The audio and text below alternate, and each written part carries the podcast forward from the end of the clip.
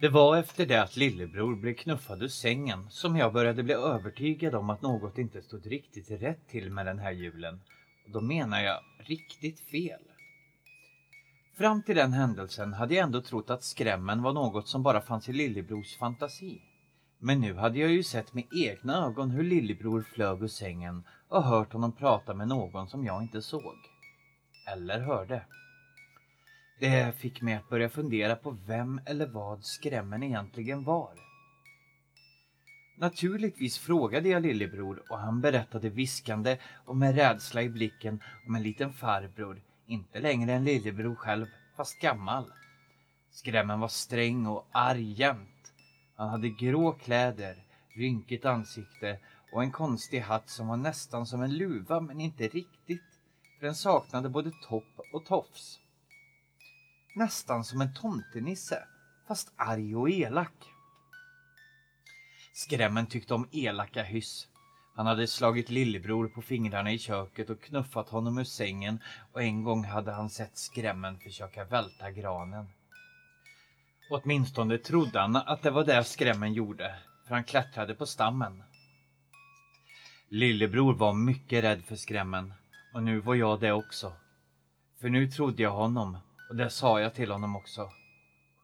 Jag glömmer aldrig lättnaden i lillebrors blick när han förstod att han inte längre var ensam med sin rädsla för skrämmen. Dessa dagar var fyllda av olika sorters julstök. Mamma skulle göra korv och koka sylta. Pappa var upptagen på sitt håll som vanligt och alla tyckte ständigt ha bråttom, vara på väg någonstans. Utom jag och lillebror som smög omkring i huset som skygga små laggårdskatter. Jag hade tappat lite av julstämningen. Den glada förväntan inför julen jag känt hade bytts ut mot en ständig vaksamhet och oro över att när som helst råka möta skrämmen runt nästa hörn eller bakom nästa dörr. Men det gjorde jag aldrig.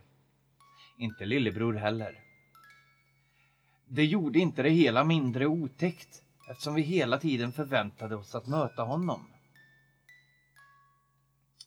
Mot slutet av veckan stod jag och lillebror i salen och tittade på granen.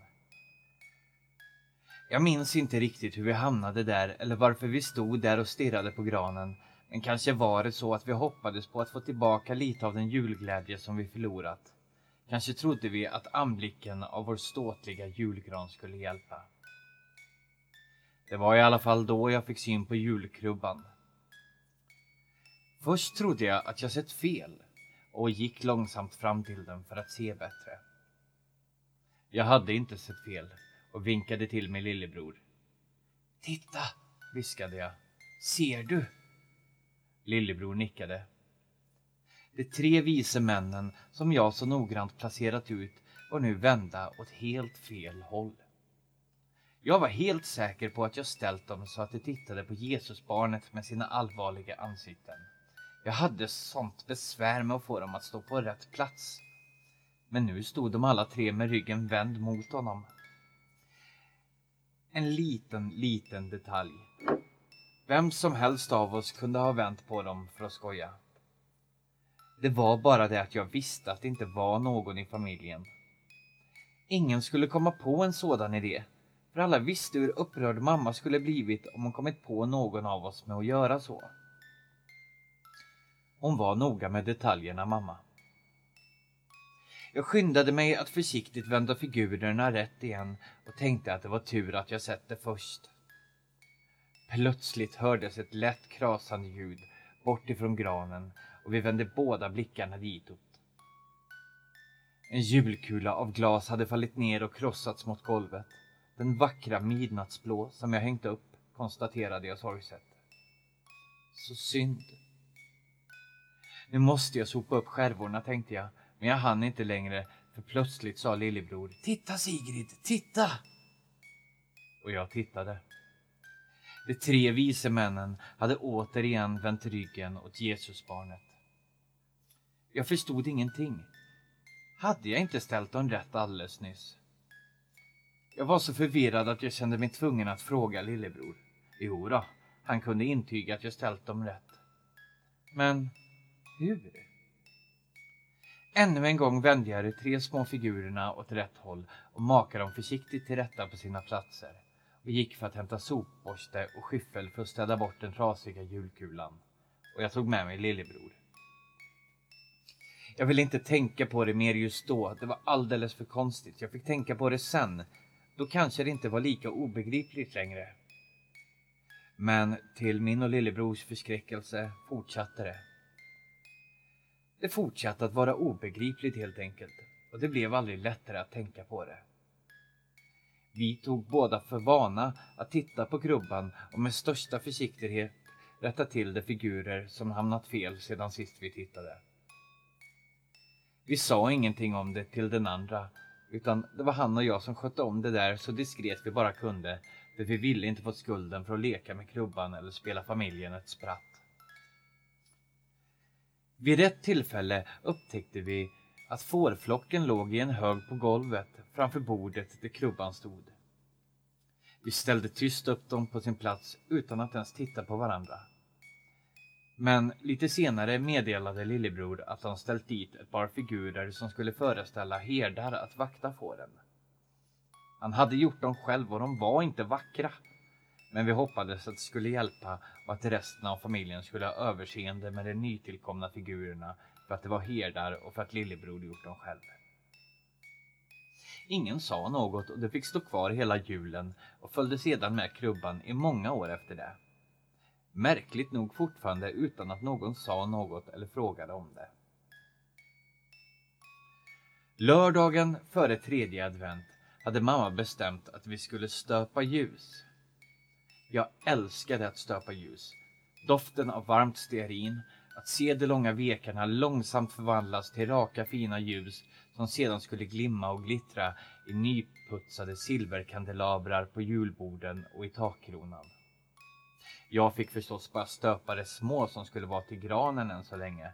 Men jag ville hemskt gärna vara med på det där och vaknade tidigt lördag morgon redo att sätta igång nu genast. Men mamma schasade ut både mig och lillebror ur köket. Hon hade annat att göra innan och vi var i vägen. Säkert störde vi hennes koncentration och var både frågvisa och näsvisa. Så kom det sig att vi tidigt på lördagsmorgon upptäckte vad som hänt i krubban under natten. De tre vise männen var alla flyttade längst ut på bordet och på gränsen till att falla över kanten.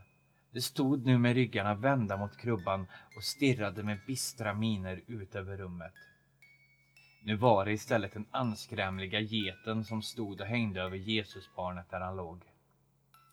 Det såg så hemskt otäckt ut att jag aldrig kommer att glömma det så länge jag lever.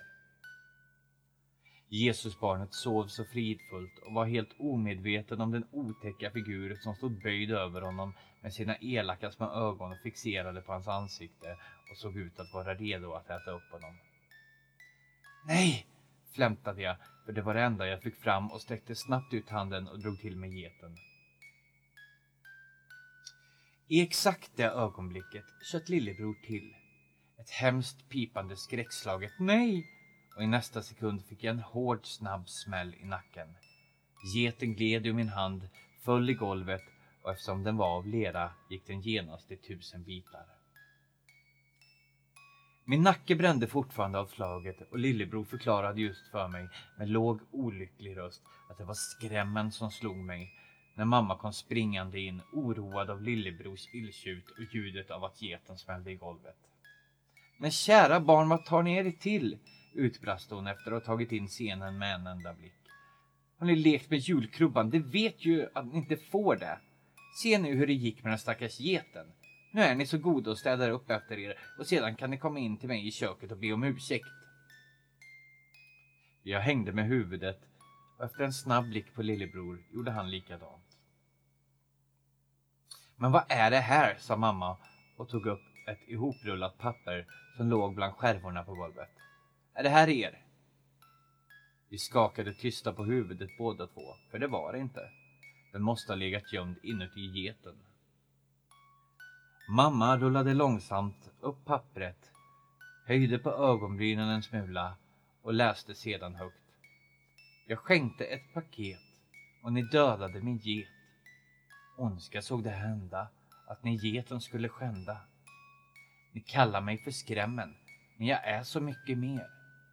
Och jag finns mitt ibland er, när ni inte ser. Mamma bleknade medan hon läste, knycklade ihop lappen och körde ner den i förklädesfickan och skyndade ut utan ett ord till i köket och smällde igen dörren efter sig. Jag och lillebror sa inte så mycket heller. Under tystnad sopade vi upp skärvorna och dammet efter den trasiga geten och som på en tyst överenskommelse följdes vi åt ut och slängde det vi sopat upp i soporna för ingen av oss ville ha den krossade geten inne i huset. Den måste ut, för trots att det nu bara var skärvor och smulor kvar av den kändes den farlig, smutsig och farlig. Och vi var lättade när vi var klara. Först då började vi tala. Vi var rädda, minns jag. Så rädda. För skrämmen och hans rim och för mammas reaktion. Var hon mycket arg på oss? Vågade vi gå in i köket som hon sagt åt oss? Eller skulle vi försöka smita undan? Men vi förstod saker också. Som att vi var tvungna att prata med mamma förr eller senare. Och att vi behövde berätta för henne om skrämmen, hur otäck han var, vad som egentligen hänt på sista tiden, om att Krubbans figurer flyttade på sig på ett otäckt sätt. Vi måste berätta det för någon. Vi vågade inte låta bli längre. Om det fanns någon i hela världen som skulle lyssna och förstå så var det mamma. Det var i alla fall vad vi trodde. Så vi tassade in i köket. Förlåt för att geten gick sönder, sa jag lågt när det inte verkade som att hon såg oss stå där. Jag blev rädd och tappade den. Mamma var av den sorten som aldrig är stilla. Hon hade alltid något vettigt för händerna. Hon bakade, lagade mat, handarbete, ja alltid var det någonting. Hon hade ju ett stort hushåll att sköta så jag antar att det måste vara så.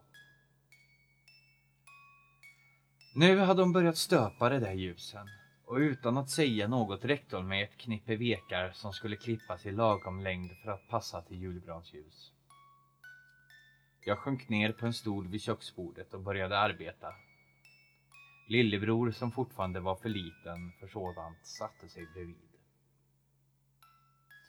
Mamma sa fortfarande ingenting och vi undrade nog båda om hon var arg eller bara rädd.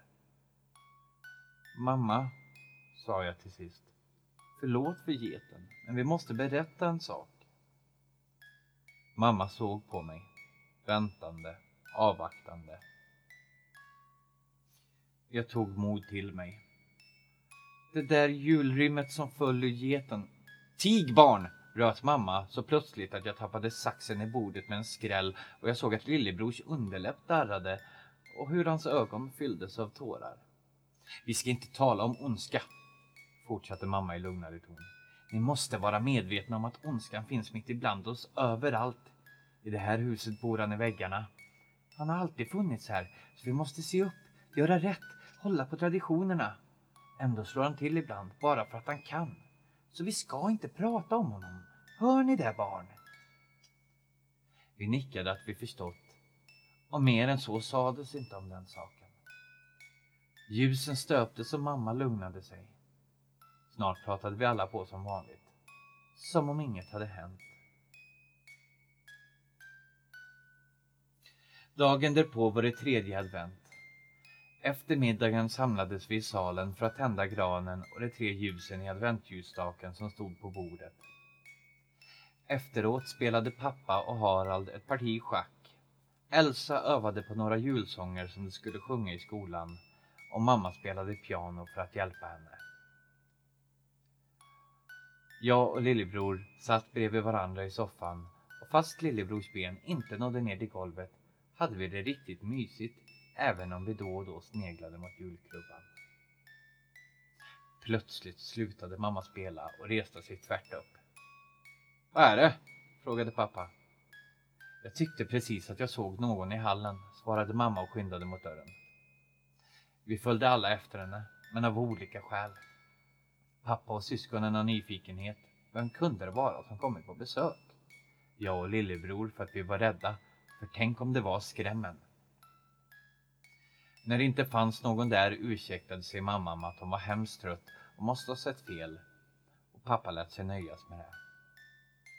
Men jag och lillebror visste bättre. Mamma också. Vi visste att skrämmen finns ibland oss, fast vi inte ser.